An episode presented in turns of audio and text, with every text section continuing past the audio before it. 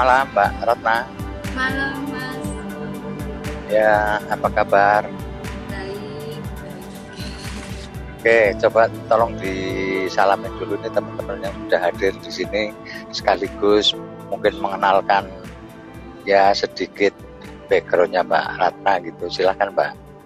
Oke, eh, selamat malam teman-teman. Maaf di luar rame tetangga pada berisik. Hmm. Eh, jadi saya nama saya Ratna Cahaya. Sekarang saya dosen di Universitas Multimedia Nusantara di Tangerang.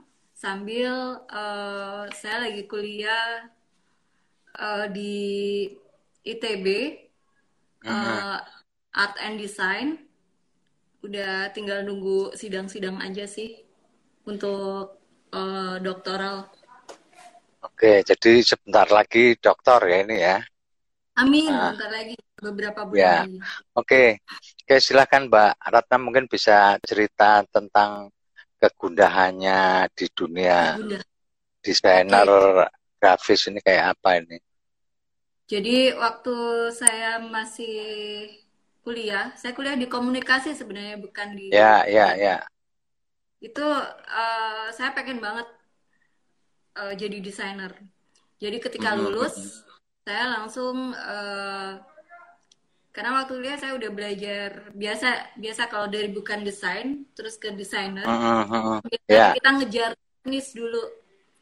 Jadi saya belajar teknis segala macam. ya. Begitu lulus, begitu lulus saya diterima kerja di beberapa mulai dari yang kecil-kecil dulu, Mas. Jadi dari penerbitan kecil, dari advertising kecil. Nah, ketika di advertising kecil, kliennya kan juga kecil-kecil, Ya, ya, ya. juga kecil. Eh, saya sebenarnya udah mulai mikir mendesain itu namanya kan mencoba-coba Mhm, mhm. menghabiskan kertas segala macam itu saya udah mulai kayak hmm ini eh, kalau saya coba-coba terus nanti saya akan menghasilkan banyak sampah ini baru Mhm, saya mhm, mhm. baru saya satu orang Ya, aha. sementara desainer itu kan banyak banget tapi terus eh, tapi kalau misalnya saya tidak mencoba-coba saya nggak akan bisa jadi desain yang menghasilkan desain yang bagus. Jadi saya pikir, oke sudahlah. Eh, toh ini eh, skala kecil, oke lah nggak nggak apa-apa. Saya Efisien. Terus kemudian saya mulai dapat eh, perusahaan yang lebih gede. Terus eh, mengerjakan proyek yang lebih besar. Nah terus Mhm, mhm. ada pernah salah satu kesempatan saya tuh salah desain. Salah desain. Sa Jadi saya keliru, eh, keliru apa gimana? Oke. kelirunya Ah, itu eh, agak fatal sih. Jadi harus hmm.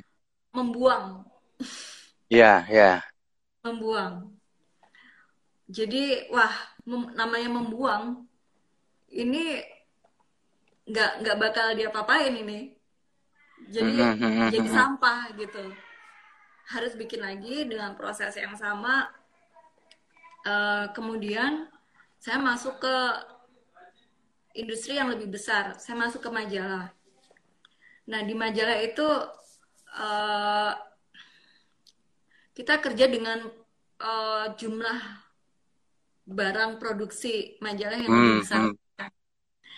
Jadi terus eh, tapi majalah saya pikir toh dibaca nanti juga bisa disimpan jadi nggak Hmm, terlalu hmm, banyak hmm. uang seperti ketika seperti hanya sekedar brosur yang kita kita sampaikan terus udah dibuang gitu Eh, di majalah itu cuman saya merhatiin me- mereka selalu pakai semakin bonafit majalahnya mereka selalu Hmm, memakai tinta khusus untuk cover mhm, mhm. semakin bagus tinta khususnya ternyata itu semakin eh, semakin memberi apa dampak buat lingkungan merusak Ya, lingkungan ya, ya. tinta Mhm. tinta itu merusak lingkungan dan itu setiap setiap eh, majalah saya sih sebulan sekali. Setiap bulan dia buang tinta, uh, buang apa uh, buang tinta. Kan namanya juga produksi dari pembuatan sampai limbah. Mm -hmm, mm -hmm. itu tetap ngefek. Nah kemudian itu saya mulai mikir nih ini baru saya. Gimana kalau majalah-majalah lain? Waktu itu majalah cetak masih lagi high ya ya ya. nah kemudian uh, oke okay lah majalah saya mencoba berdamai. Kemudian saya tertarik pada kemasan. Saya mulai hmm. belajar kemasan saya tertarik kemasan.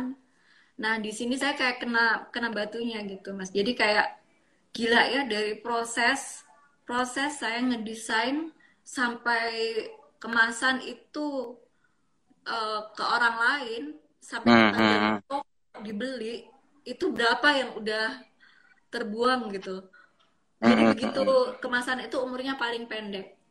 Begitu kita uh, begitu konsumen beli itu udah langsung dibuang. Ya, ya, ya. Dan uh, banyak barang-barang semua yang kita lihat di toko itu mana yang nggak dikemas nggak ada semuanya dikemas. Terus hmm. seiring berubah zaman, mungkin kalau majalah kita tergantikan sama tergantikan sama digital.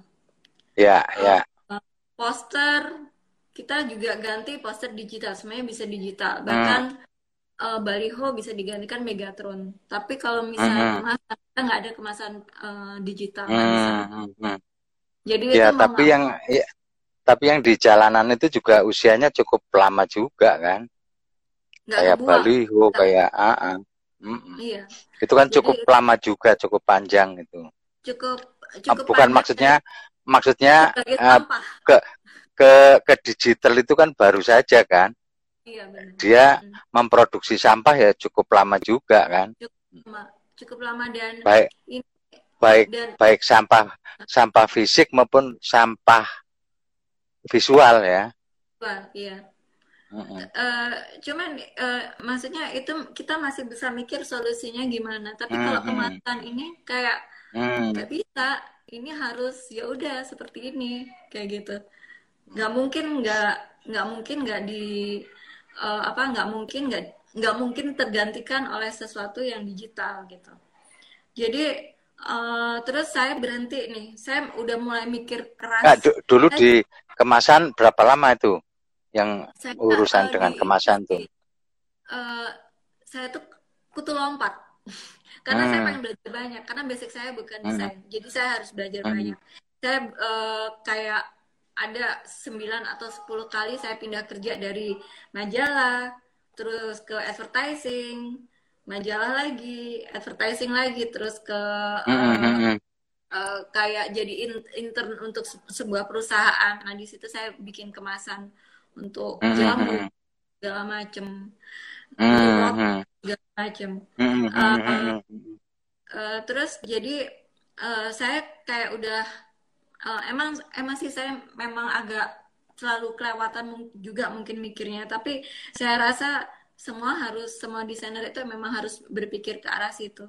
Jadi uh, kemudian saya mikir kayaknya kalau misalnya saya terus-terusan di sini padahal saya cinta cinta sama kemasan ini dari segala desain yang hmm. pernah saya coba, uh, saya akan semakin uh, menambah dosa pada lingkungan. Hmm, hmm, hmm.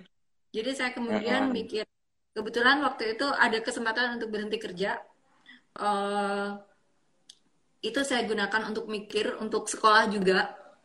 Uh, dua, kemudian uh, didesain di ITB. Kemudian setelah lulus, saya nyoba ngelamar untuk jadi dosen di tempat saya ngajar sekarang.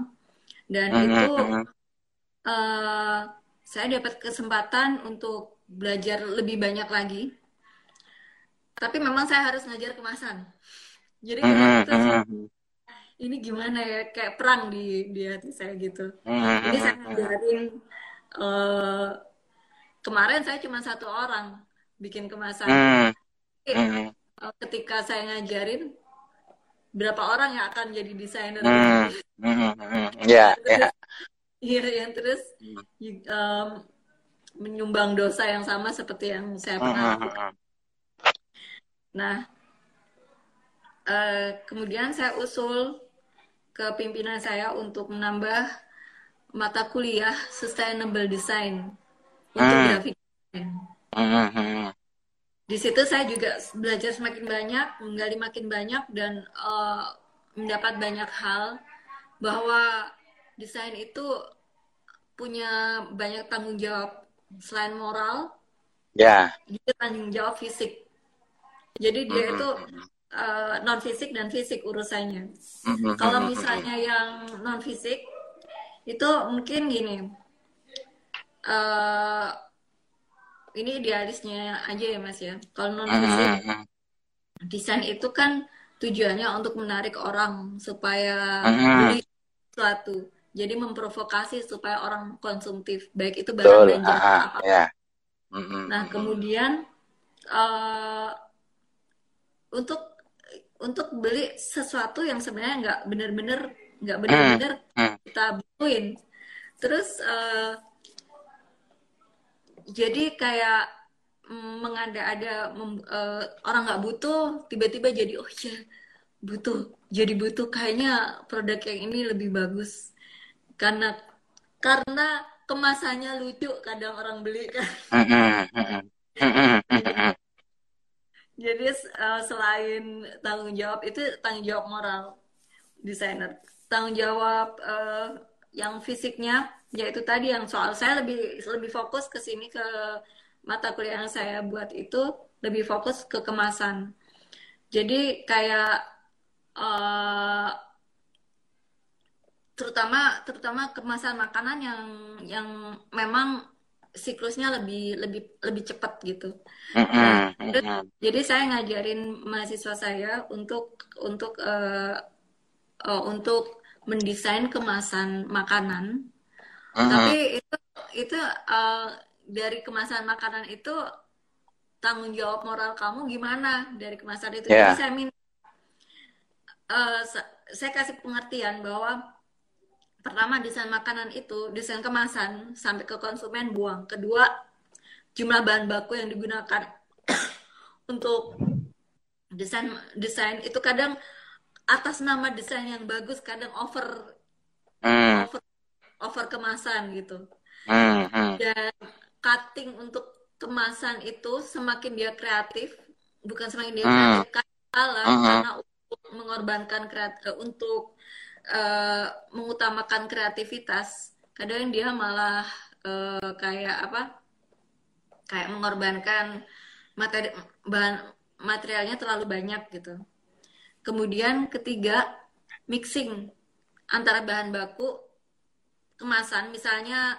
plastik sama sama kertas yang kayak di blister mainan hmm. yeah. atau uh, baterai itu nggak bakal ter nggak bakal itu paling rusak karena nggak ada orang yang misain satu-satu ya untuk berarti mesti nggak tahu apa sudah ada atau belum nih berarti dalam dalam perspektifnya ya sudah ada belum yang kalau kita ngomong ilmu yang lain kan ada alirannya ya. Sudah ada alirannya belum nih di dunia apa namanya grafik grafis desain ini? Udah ada aliran umpamanya grafis desain yang ramah lingkungan atau grafis desain yang yang humanis atau gimana gitu ya? perkembangannya gimana? aja sih jadi memang itu ini memang belum banyak belum banyak uh, di saya rasa belum banyak hmm. dibicarakan hmm. jadi yeah. Ya. uh, meskipun uh, kadang saya melihat saya kan masih tetap update tentang graphic design karena saya dosen, jadi saya harus tetap update. Kebanyakan itu adalah mikir bagaimana membuat desain, bagaimana desain ini bermanfaat bagi manusia. Cuman mereka lupa bahwa desain ini juga harus uh, yeah. Juga harus peduli dengan lingkungan gitu. Jadi karena salah satu contoh ya Mbak, uh, tahun-tahun berapa itu kan karya-karya apa namanya iklan apa itu kan selalu mengeksploitasi perempuan ya umpamanya ya iya. dengan menggunakan apa namanya uh, tubuh perempuan atau apa tapi ketika apa namanya gender mainstreaming itu terjadi kan akhirnya juga berpengaruh juga. Bahkan yang mengeksploitasi perempuan mungkin malah tidak tidak tidak menarik umpamanya kayak gitulah. Iya. Nah saya iya. kira tantangannya mungkin di situ ya. Iya. Uh, di, ini tantangannya itu tantangan Mm, tantangan moral mas. Jadi karena mm. karena memang desainer itu kan ilmu artifisial. Ya yeah, yeah. jadi kayak mm. Pakai ide gitu jadi yeah, uh, yeah. dan uh, memang tujuannya untuk menarik perhatian ketika orang tertarik maka uh, pikirannya terpengaruh ya yeah. yeah. uh, saya membaca bahwa desain itu membentuk budaya jadi ya. hati-hati. Yeah. Desainer itu hati-hati secara moral, secara fisik atau non fisik yeah. karena Ka dia karena aki ya juga tidak mengakibatkan hal yang artifisial. Mm -mm. Udah mm -mm. udah jelas kan anunya akibatnya kan. Limbah yeah. itu kan nggak artifisial gitu. Yeah. Uh -uh. Sementara Terus, gagasannya gagasan-gagasan artifisial. Iya. Mm -mm. Terus jadi uh, kalau dalam dalam uh, saya berusaha nularin ini mas berusaha memprovokasi hmm. melalui apa yang saya ajar. Kalau misalnya tentang packaging ya saya resah banget itu. Hmm. saya, hmm, hmm, saya ajarin teman-teman mahasiswa untuk bikin packaging yang tantangannya banyak. Karena desain yang kreatif itu menurut saya bukan bukan out of the box bukan. Tapi yeah, ya ya ya.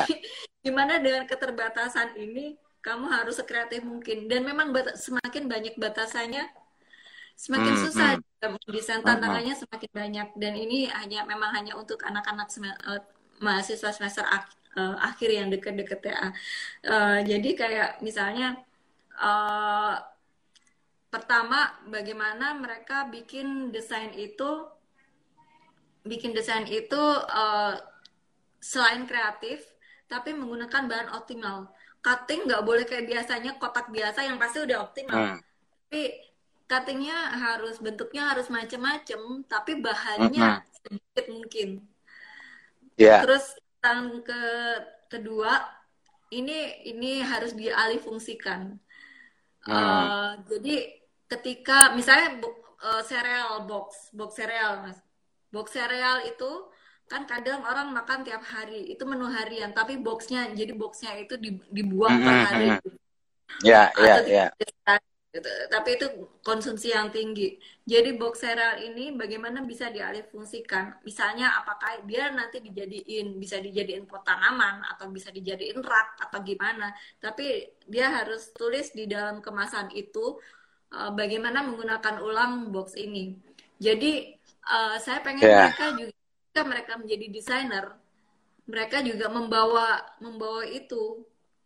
Membawa ya kalau apa? begitu ini ini soal soal positioning juga iya, soal positioning hmm. sekarang eh, sementara riwayat lahirnya desainer itu kan menjadi bagian mungkin bagian kecil dari sebuah sebuah apa namanya kapital ya namanya begitu ya. ya. Nah di situ seberapa jauh nih posisinya itu bisa melak bisa melakukan bargaining ya kan Benar. akhirnya kan di situ uh -uh, ujung-ujungnya jadi ketika kita tidak bisa melawan kapitalisme karena kita sudah menjadi bagian dalam kapitalisme hmm. itu jadi bagaimana kita memanfaatkan desain untuk sesuatu yang baik akhirnya saya mm -hmm. akhirnya itu sih mas jadi uh, apakah yeah. apakah dengan um, mengaj karena desainer itu kayak sebenarnya kayak pemimpin kayak provokator yeah, yeah.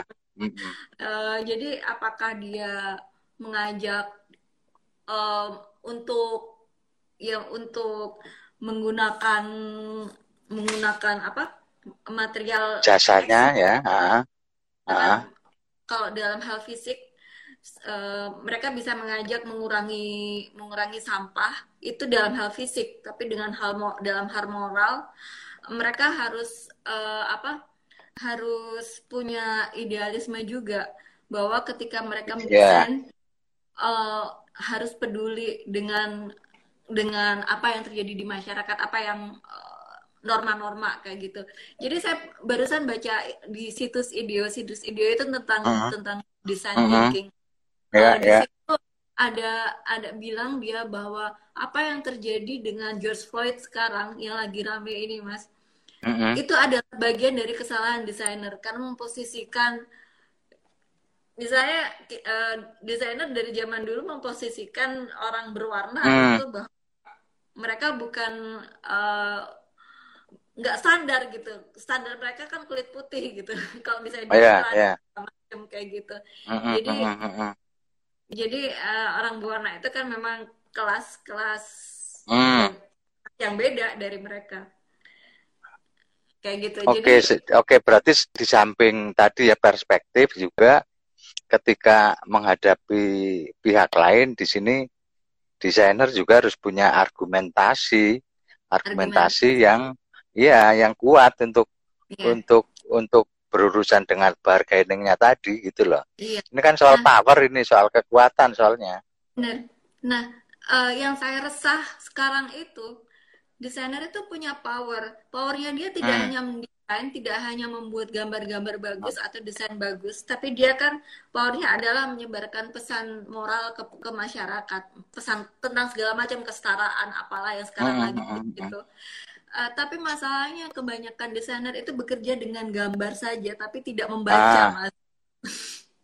Ah. tapi kurang membaca, kayak gitu. Ya, ya. Tapi ya, padahal visual itu kan mestinya merupakan hasil dari dari hasil kumpulan ah, ah, dalam pikirannya gitu. Nah, oke, okay. ini kembali pada posisi tadi ya. Uh, kayaknya sejak awal ini kan posisi desainer memang menjadi apa namanya menjadi uh, bagian dari dari sebuah apa kapital besar itu ya sebetulnya. Nah, ya, sekarang benar. apalagi itu. Sekarang yang yang di urusan sen, kesenian saja ya katakan katakan seni rupa aja bisa di bisa di apa namanya bisa di apa bisa di digunakan kelola ah digunakan nah itu jadi ada ada buku judulnya art undercover itu sebenarnya bagaimana apa memperdagangkan keanekaragaman budaya itu dalam hmm. dalam dalam globalisasi ini nah apalagi desainer ini kalau nggak kuat di perspektifnya tidak kuat di ideologinya ya iya. pasti akan menjadi pelengkap penderita sebetulnya Benar dan Padahal... akan menjadi aktor yang me melahirkan tadi banyak ya. sampah, banyak limbah, banyak macam-macam gitu. Macam-macam. Justru dia bisa jadi bisa uh, punya pisau yang justru membunuh hmm, hmm banyak hmm. hal. Ya, ya. Bisa sebagai penolong banyak hal. Nah, uh, terus ini ini yang kalau teman-teman desainer itu sebenarnya juga uh, res, sebagian res, ada keresahan juga. Hmm. Jadi uh, banyak karena saya juga membaca buku Nigel Cross dia bilang bahwa semua hmm. orang itu bisa mendesain. Itu yang membedakan hmm. kita dengan monyet. Monyet nggak bisa berencana, tapi kita bisa mendesain. Jadi semua orang bisa mendesain. Tapi memang kita harus mengakui bahwa ada yang orang-orang yang memang pinter men, uh, yeah, yeah bakat bisa mendesain dan ada yang bisa mendesain karena pendidikan gitu. Nah, uh, teman-teman yang berada di pendidikan yang menempuh pendidikan desain yeah. itu itu memang resah juga. Jadi kita uh, kerjaan sama teman-teman yang, hmm. yang betul. Yang desainer, ya. Gitu. Ah, ah, ada ya. Ada belum lagi ke situ ya, ya ada satu ada satu desa yang saya juga pernah nulis tentang ini di Kali Abu Salaman di Magelang itu uh -huh, kan uh -huh. ceritanya desa itu uh, desa itu tuh tadinya nggak punya kerja banyak kejahatan uh -huh. uh, penghasilan rendah terus kemudian ada yang menginisiasi menginisiasi untuk uh, bikin apa dia ikut lomba-lomba desain kan ada hmm. namanya situs desain desain gitu dia ikut hmm. lomba-lomba kayak gitu terus akhirnya se seluruh desa Mm-hmm. Ikut. Jadi, uh, uh, jadi ikut, terus itu jadi kampung desain. Terus uh, beberapa tahun yang lalu se sebelum saya mulai sekolah, saya kan lagi lagi, lagi uh, perhatian ke situ. Terus uh, ya teman-teman bilang, terus kita gimana? Kita ini sekolah empat tahun loh, nggak nggak nggak pakai daun loh sekolah itu pakai duit dan kita belajar sampai macam. Dan saya paham meskipun saya waktu S1 bukan desain tapi saya paham mahasiswa saya perjuangannya nggak nggak main-main gitu. Terus uh, kita harus rebutan sama mereka gitu. Tapi enggak karena kita ya itu yang membedakan kita dengan mereka. Kita yeah, itu uh, kita itu um, menciptakan sesuatu yang belum. Kita mikirin sesuatu yang belum kita nyebarin sesuatu yang orang-orang yang yang uh, orang-orang harus paham gitu. Jadi uh, kita bukan sebagai desainer saja tapi kita sebagai komunikator untuk Betul. memberi uh, ya karena untuk jadi komunikator itu harus baca hmm, hmm, hmm. ya ya oke. Iya. Coba Mbak Ratna, kira-kira dari perjalanan ini dengan perspektif yang kita diskusikan ini, hmm. uh, tantangannya kayak apa ini? Terutama ngadepi yang mainstream kayak yang mungkin bisa sangat sama sekali berbeda ya. Iya, uh, sebagai saya saya tadi sempat ngajakin teman-teman yang desainer untuk uh, terutama hmm. yang muda-muda untuk ikut ikut ikut nonton mas jadi kayak uh, ketika mendesain se seorang desainer yang beda menempuh pendidikan desain itu harus harus diawali dengan niat yang baik nggak melulu untuk jualan nggak melulu harus laku hmm. jadi ya kan desainer itu kan juga jualan tapi pakai bahasa yeah, yeah.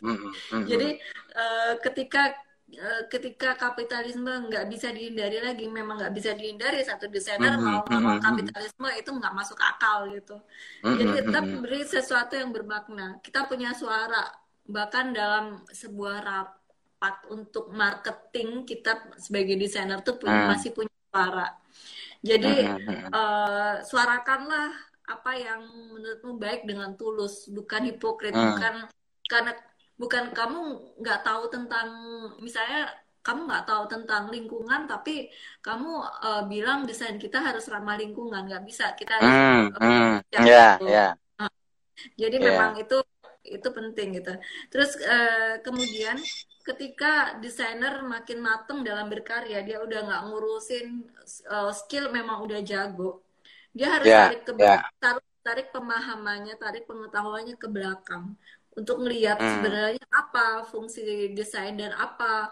uh, tujuannya, apa kekuatannya. Jadi apa yang hmm. uh, dia bisa bisa lakukan untuk masyarakat melalui desain gitu. Uh, ketika ya, semakin, ya jangan lupa ya uh, sejarah perubahan gitu juga termasuk sejarah-sejarah kekuasaan itu juga uh, bisa ditengarai dari cetak mesin cetak Iya, nah ini kan udah udah jauh lebih ini lagi nih desainer iya. di mana letaknya uh, gitu. Iya. Dan uh, kita kita ke, kekuatan kita gini mas. Jadi uh, masyarakat Indonesia itu kan awalnya orang tuh budaya budaya tutur ya mas. Terus kemudian kita kita ikut tuh budaya tutur. Terus kemudian budaya tulis mungkin karena penjadihan Belanda segala macam kita seharusnya lewat budaya tulis tapi kita enggak gitu. Jadi kayak -huh. uh, kayak kita kehilangan masa di situ terus kita langsung ke budaya visual yeah, jadi yeah. orang kita itu lebih lebih apa lebih lebih gampang diajak ngomong secara visual jadi uh -huh.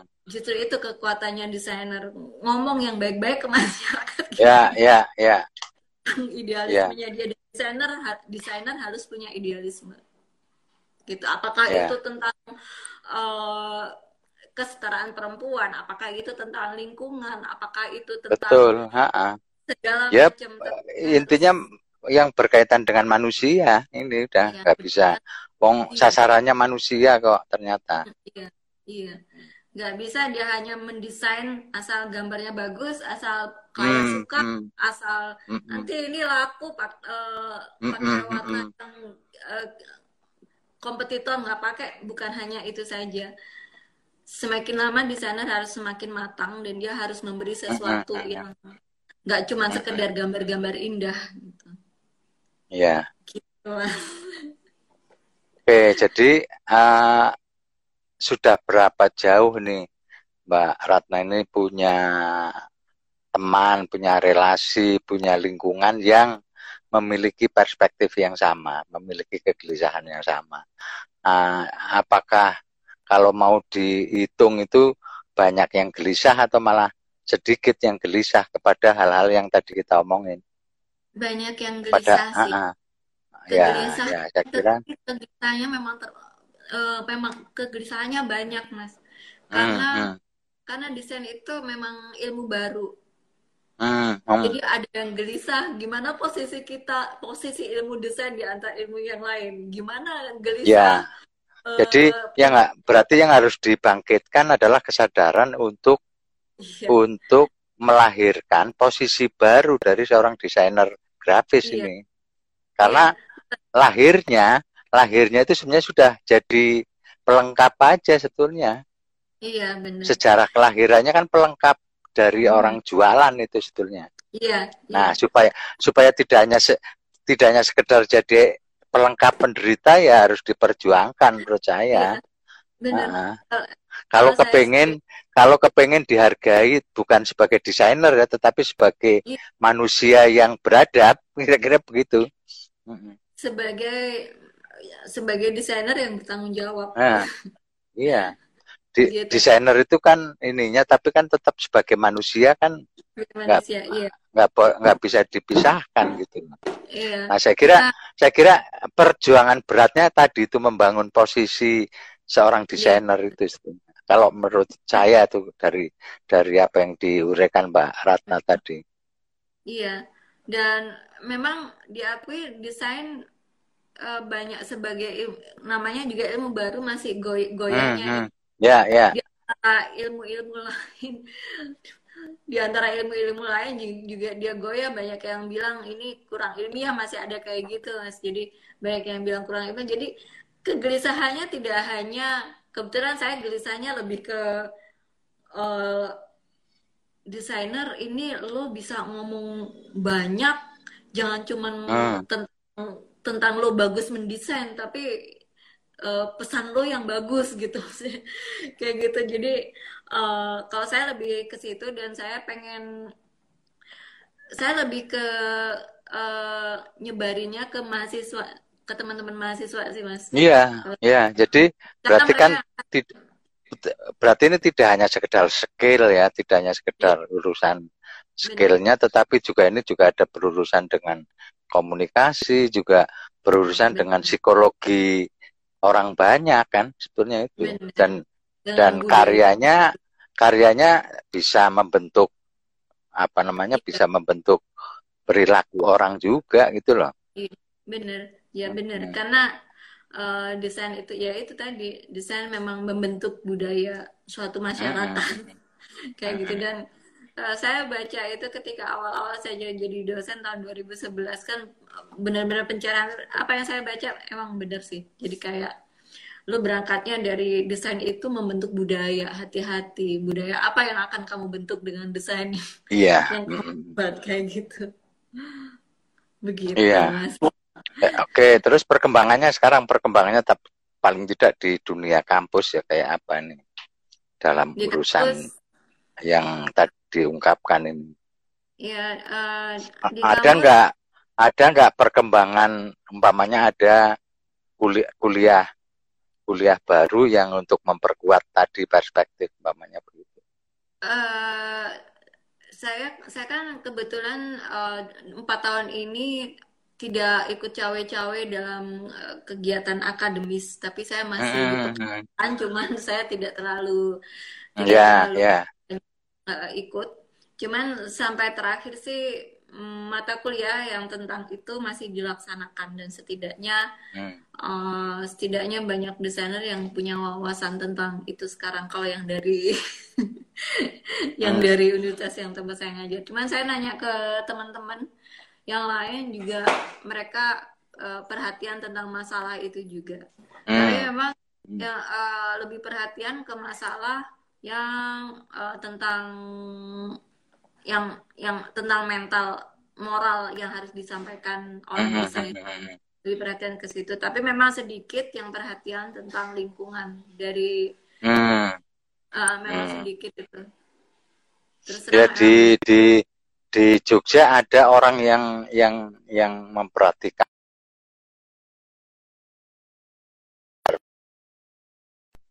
Dia pernah melempar tentang apa namanya tentang sampah visual ah, itu. iya. Hmm. Sampah Terutama yang di jalan-jalan ya. Iya. Hmm. Apalagi kalau sudah musim pemilu itu, nah itu, ah, umpamanya kayak gitulah. Itu juga itu juga sampah juga itu juga pencemaran juga itu loh karena ke pencemaran itu ada yang ada yang pencemaran visual ada yang pencemaran fisik ya uh, gitu bener bener sih mas jadi itu juga kayak uh, setiap jengkal dalam hidup kita kita ditawarin jualan mulu hmm. bahkan bahkan antara jualan barang dengan jualan sekolahan itu berjejer. Berjejer nah, semua jadi jualan. Iya, iya jadi jualan semua sama aja gitu loh. Sama yang iklan iklan mobil sama iklan sekolahan itu Mbak jajar gitu. Iya. Oke, lanjutin Mbak Ratna. Uh, apa lagi ya, Mbak? apa yang penting ini? Ini yang menyangkut untuk ngulik kegelisahan oh, teman-teman teman-teman uh, desainer ini. Iya, yang soal saya terusin yang soal packaging itu.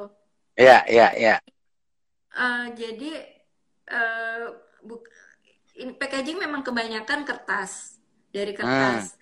tapi bukan berarti yang dari kertas itu semuanya bisa didaur ulang, nggak juga, hmm. hmm gitu. Hmm, karena hmm. karena kalau misalnya seperti yang saya bilang kalau kemasan blister, blister itu yang kemasan campur, yeah, yeah.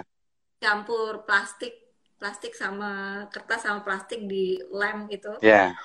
Yeah. Itu nggak bisa nggak bisa di ini nggak ada orang yang nyambutin satu-satu apalagi untuk blister batu baterai yang kecil banget itu uh, dan ketika dan kalau misalnya plastik kecampur sama bahan yang untuk didaur ulang kertas yang akan didaur ulang itu nggak bakal nggak bakal bisa. Yeah.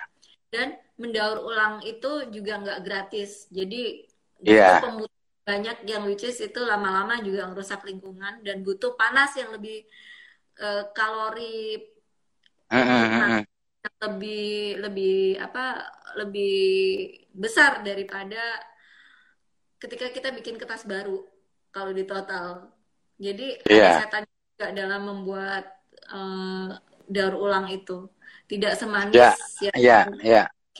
ya memang memang tidak tidak semuanya harus dipikul dibebankan kepada desainer ya mestinya iya. ini juga berkaitan juga dengan regulasi negara terhadap soal ini sebetulnya. Iya. Kalau Tapi, negara juga membiarkan tidak ada regulasinya ya, ya, ya desainer itu kan penguat itu mestinya gitu. Iya, uh -uh, benar. Nah, Ap apalagi kalau dalam zaman sekarang itu ya memang packaging itu Masanya hmm. gimana mas? Packaging itu memang harus bagus emang harus goda. Jadi yeah, ketika yeah, kita yeah. Pakai, kita kayak dapat hadiah gitu kok di package hmm. gitu di package yang bagus kayak gitu.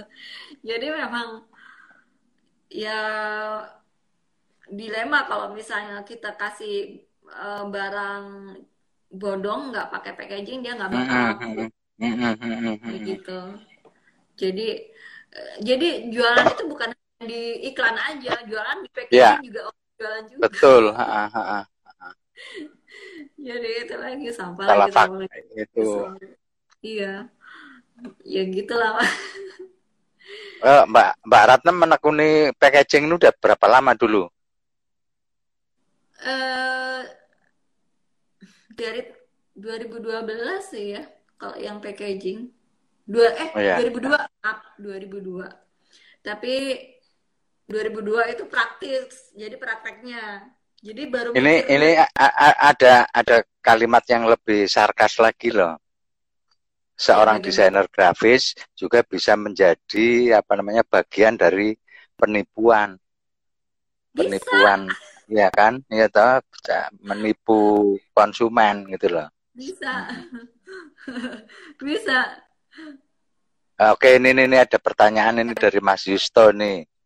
Mbak Ratna, gimana cara memajukan apa desain-desain di daerah yang jauh dari pusat-pusat kota? Nah, ini yang di kita di ini majukan tadi itu. Iya, desain nggak harus deket dengan pusat kota kok. Kita bisa mendesain di Ya. mana aja. Apalagi zaman digital kayak gini, semuanya bisa bisa eh, bisa dilakukan dari jauh. Gitu sih.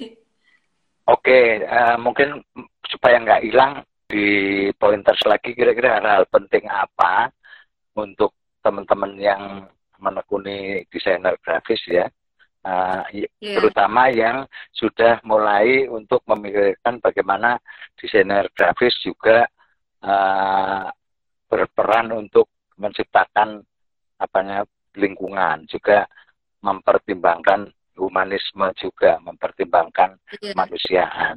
Silakan Mbak Mbak Iya. Ratna.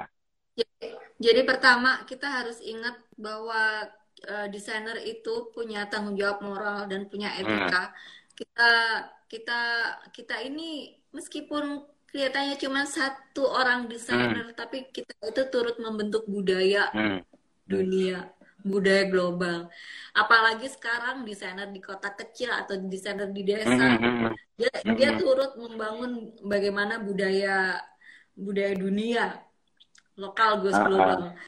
Terus jadi Semua itu semua semua HP sekarang itu sudah ada aplikasinya iya untuk mendesain ya. Ah, iya benar benar benar.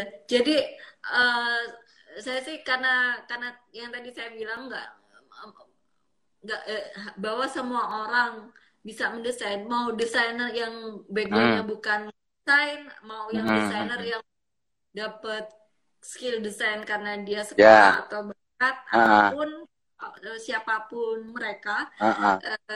mereka harus melakukan desain dengan tujuan yang baik nggak melulu itu tentang jualan nggak melulu Ya. eh, ini kalau misalnya kayak gini klien saya mau Ya, gitu ya. jadi ini juga untuk menghindari plagiat plagiat desain juga sih mas yang juga meresahkan jadi Hmm, eh, hmm. Iya, jadi eh, tujuannya nggak melulu harus laku, tapi eh, perlu di, ditaruh, di, ditanamkan di benak kita bahwa kita harus memberi sesuatu yang yang yang bermakna buat orang banyak, sesuatu yang memang kita Hmm, pikirin. hmm. Kalau misalnya, Hmm, misalnya kita belum sempat baca, kita pikirin deh bahwa ini Ya, tuh ya, ya. Itu bagus dan eh, harus berangkat dari keinginan yang tulus, bukan hipokrit, bukan Iya. karena kayaknya tanya eh, saya bikin eh, menarik perhatian orang, orang ngira bahwa kita baik, nggak gitu, tapi Mhm. memang harus memang Juga harus mempertimbangkan dari hati. tadi. Ya, ya. Iya. Uh-uh. Kemudian eh, ketika desainer makin mateng, berkarya makin mateng, skill Mm, udah nggak mm, masalah mm. lagi, dia harus eh, harus pahami kembali, kuatkan kembali tujuan tujuan dia sebagai desainer itu apa, bahwa dia itu dan hmm. apa kapabilitasnya apa, bahwa dia itu harus memberi sesuatu yang karena desain itu dilihat orang banyak bukan dilihat klien mhm, aja, jadi harus Ya. memberi sesuatu yang yang yang eh, bermanfaat buat manusia gitu, tidak hanya sekedar ya pasang gambar cantik nanti juga laku gitu, tapi harus dipikirin. Atau mungkin gini ya, mung- ini mungkin karena nggak pernah keluar nama ya benar. Desainernya, mas. ya, ya yang keluar kan juga perusahaannya ini ya. Nah, itu itu jadi ya udahlah mau nggak nggak dikenal aja gitu loh. iya Jadi juga iya bisa bisa itu juga bisa tidak tidak menjadi kontrol terhadap dirinya sebagai desainer. Toh nggak benar dikenal siapa yang bikin itu. benar Yang jadi tahu kan paling kalangan desainer aja gitu. iya benar Jadi ketika misalnya juga ketika ketika ada sebuah perusahaan besar perusahaan Hmm. besar eh, mengeluarkan oh, misalnya eh, iklan ini dengan desain seperti ini. Mm-mm. Mm-mm. Ya memang itu bukan kerja satu desainer doang, memang itu kerja tim. Betul. Tapi Ah, tetap ah, ah. dia yang Mm. punya ide, punya ide dan dia Hmm. bisa mempengaruhi tim untuk memberi kan pasti ada Ya. kreatif gitu. Dia Ya, punya ya, ya. punya kesempatan untuk memberi eh, apa kayak ngasih kayak memberi ide. Kita harusnya seperti ini gitu. Ya. Jadi beda Jadi- kayak kayak Iya. film, kayak seni rupa itu kan karya siapa gitu loh. Iya. Nah, itu agak ada tanggung jawabnya betul gitu. Yang Iya. dituntut ya yang bikin gitu loh. Kalau ini kan dia sembunyi di balik klien gitu loh. Tapi tetap aja meskipun sembunyi dia sangat sangat kuat. Mm-mm. Makanya, makanya Tentang ku- gambar. ah, kuat tapi sembunyi. Nah, ini kan masalahnya di situ. Itu aku Kenapa? juga. Air Kenapa? mineral itu juga. ah itu. Gimana tuh? Air mineral itu juga. Air dari zaman dulu sebenarnya kita bisa bisa minum air di mana aja kan Mas? Nah iya, ha, ah. bayangin tiba-tiba bisa dibalik gitu loh. Kenapa tiba-tiba kita harus minum air mineral? Mm-mm. Jadi Ah, ketika ketika orang membuat pabrik air mineral, banyak kendaraan lalu lalang tuh kendaraan lalu Jadi, tipe, ah, kayaknya kayaknya dulu sebelum ada sebelum ada kemasan nggak ada mineralnya, terus sekarang ada Iya. mineralnya, kira-kira begitu ya. Ya, Nah itu itu berarti desainernya ikut andil menipu kan gitu loh, yang saya maksudkan tadi. Eh, saya jadi ingat soal eh, apa soal jadi kalau dalam sebuah apa eh, perjalanan sebuah produk dari desainer juga harus paham perjalanan sebuah hmm. produk dari dia di meja mengonsep sebuah desain sampai Hmm. akhirnya eh, akhirnya desain itu dipakai masyarakat misalnya di kemasan Mm-mm, dikonsumsi mm-mm, dia mm-mm. juga Ya, harus paham ya. ada banyak ada banyak step yang dilalui misalnya bukan hanya dari desain saja eh, sampai ke produksi bukan dari produksi storage juga dan distribusi segala macam jadi kalau misalnya dia bikin desain misalnya gini mas eh, kadang kadang ada ada produk misalnya cuman permen tapi dia dikemas dalam dalam mm-mm. kaca yang berat misalnya kayak gitu Hmm, ya, ya. Betul ya. itu Ah, menurut ah. saya over packaging bukan hanya Jadi oke jadi lebih lebih malah lebih mahal packagingnya daripada isinya. saya saya pernah diskusi dengan mahasiswa tapi tapi miss eh, namanya gelas itu kan bisa didaur ulang gampang da- dan lebih gampang dari kertas memang Ah. memang Ah, tapi coba kita pikirin dari proses yang lain bukan hanya proses daur ulang tapi lengkap makanya desainer Hmm. pengetahuannya harus ini harus eh, komprehensif. Ya harus komprehensif. Jadi pikirin ketika dia di storage eh, permen doang ditaruh di ditaruh di toples kaca, Hmm. berapa ruang yang ruang yang tersisa, ruang Ya, yang ya, kosong. Yang ya. lebih besar, makan tempat yang lebih besar dan ketika dia distribusi dari pabrik ke toko ke retail eh, dia Mm-mm. juga har- ketika volumenya lebih besar maka Mm-mm. itu kendaraan harus bolak-balik. Kita nggak bicara satu kendaraan, tapi ini produksi pabrik besar, kendaraan harus bolak-balik berapa kali, berapa eh, bensin, bahan bakar yang dihabiskan Yeah. untuk bolak-balik itu, dan eh, berapa berapa yang sebenarnya bisa dihemat kalau misalnya desainer mikir Ya, ini harus optimal, baik kemasannya segala macam kayak gitu. iya. Jadi Jangan jangan mikirnya hanya dihabiskan untuk kreasinya itu, iya, tapi udah nggak mikir yang lain gitu. ya mu- mungkin mereka mikir kalau di toples me- jadi bagus. Nah, itu dia Hmm. jangan cuman melulu pikirannya jualan jangan jangan asal laku tapi harus mm-hmm. harus pikirin dari awal sampai akhir ini gunanya apa gitu sama seperti misalnya kita cuman bikin iklan uh, iklan inilah iklan apa iklan di digital jangan mikirin uh-huh. orang tertarik kalau kita pasang gambar cewek iya tapi kan ada yeah. orang di belakangnya kayak gitu uh-huh. Ya Jadi belum tidak... lagi sekarang sekarang umpamanya makanan anak-anak terus diisi mainan atau apa gitu. Ya, ini sebenarnya mau jual mainan apa mau jual makanannya gitu. Makanannya kecil, cuman sekali jilat terus gitu. Mainannya hmm juga paling sebentar eh, ini ya itu kritik saya sih waktu waktu ngajar itu banyak diskusi tentang dan itu saya mahasiswa mahasiswa saya jadi tertarik dan mereka jadi kayak kebuka pikirannya bahwa oh ya. ternyata yeah. mendesain itu nggak gampang ya ya moga-moga begitu ya apa yeah. perjalanannya oke ngomong-ngomong nih Mbak Ratna dokternya berapa lama lagi Uh, sebenarnya sih rencana saya lulus Mei Mei kemarin. Cuman jadi saya ngumpulin tanggal 25 Februari itu draft lengkap dengan harapan Maret saya kolukium terus April saya uh, sidang tertutup dan Mei saya sidang terbuka. Rencananya gitu. Saya udah kasih Tesisnya waktu. apa? Tesisnya, Tesisnya tentang ini apa bukan? Eh? Bukan tesis uh, eh? uh, disertasi saya tentang ini tentang uh, wayang oh. wayang wayang Solo Arjuna mas Arjuna uh -huh. Way iya. wayang uh, fisiognomi diferensiasi fisiognomi hmm. uh, Wanda Arjuna Gagrak uh -huh. Gagrak Surakarta uh -huh. nah kalau uh -huh. ini kalau ini sih saya berangkatnya dari dari soal gender juga sih sebenarnya.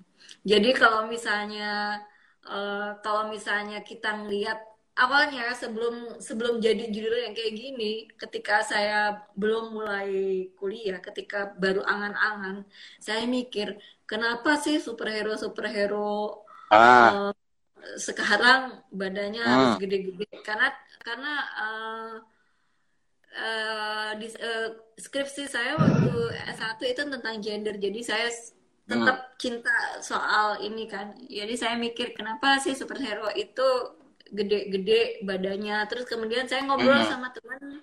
Terus teman bilang, "Nah, sebenarnya kalau di masyarakat kita itu di Jawa, superhero itu nggak kayak gitu loh. Superhero itu hmm. uh, selalu kayak gitu karena uh, ada namanya Arjuna. Arjuna itu sebutannya uh, apa lelanangin jagat. Jadi kayak yeah, laki yang paling maskulin di dunia. mm -hmm. Tapi badannya nggak kekar gitu loh. Nggak nggak kekar, nggak kayak gitu. Terus kemudian saya belajar dari situ, saya belajar gali-gali gali-gali. Terus ternyata ya konsepnya uh, ya konsepnya dalam sih mas banyak banget yang ini. Mm -hmm. Jadi yeah uh, intinya zaman zaman dulu itu namanya wayang semuanya penuh penyimbolan tapi sekarang yeah. um. sekarang orang lebih penyimbolannya lebih berkurang gitu penyimbolannya lebih berkurang yang penting kelihatan bahwa dia hero mikirnya pendek aja karena mm -hmm.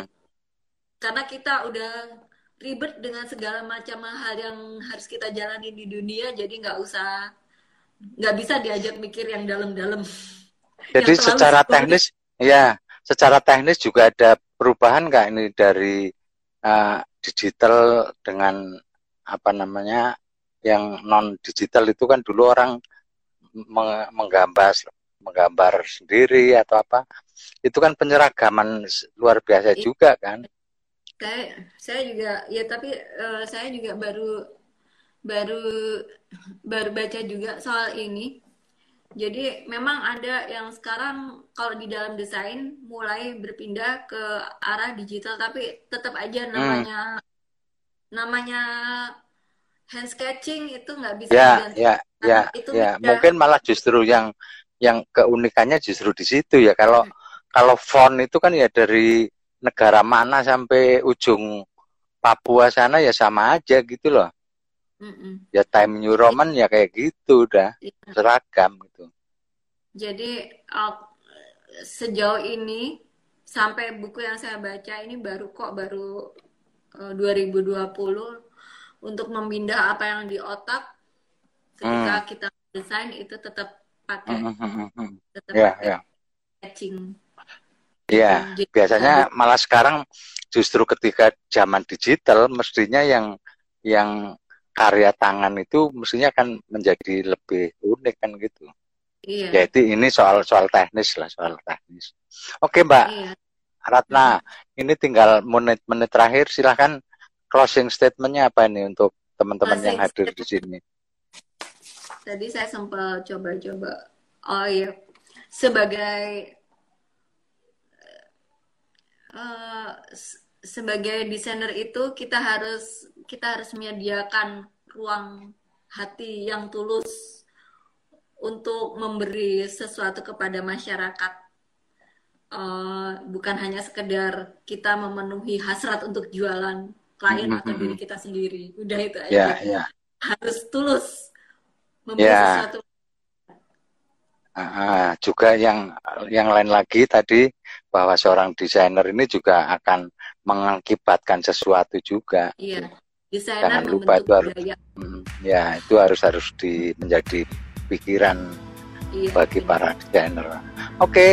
terima kasih banyak Mbak Ratna juga terima kasih teman-teman yang sudah hadir di sini. Semoga uh, apa namanya uh, percakapan rileks malam ini bisa menjadi dinas gangguan bagi apa namanya teman-teman desainer ya semoga bisa apa namanya bisa terganggu pikirannya terganggu yeah. perasaannya supaya menjadi desainer yang yang memiliki pertimbangan-pertimbangan yang tadi di sudah diungkapkan oleh Pak Ratna. Terima kasih banyak Mbak Ratna. Sampai Sama jumpa lagi. Nanti kalau sudah selesai dokternya, kita bisa yeah. live lagi ya. Yeah. Oke, okay, terima kasih. Yuk. Mbak Ratna. Sampai jumpa. Yuk, terima kasih.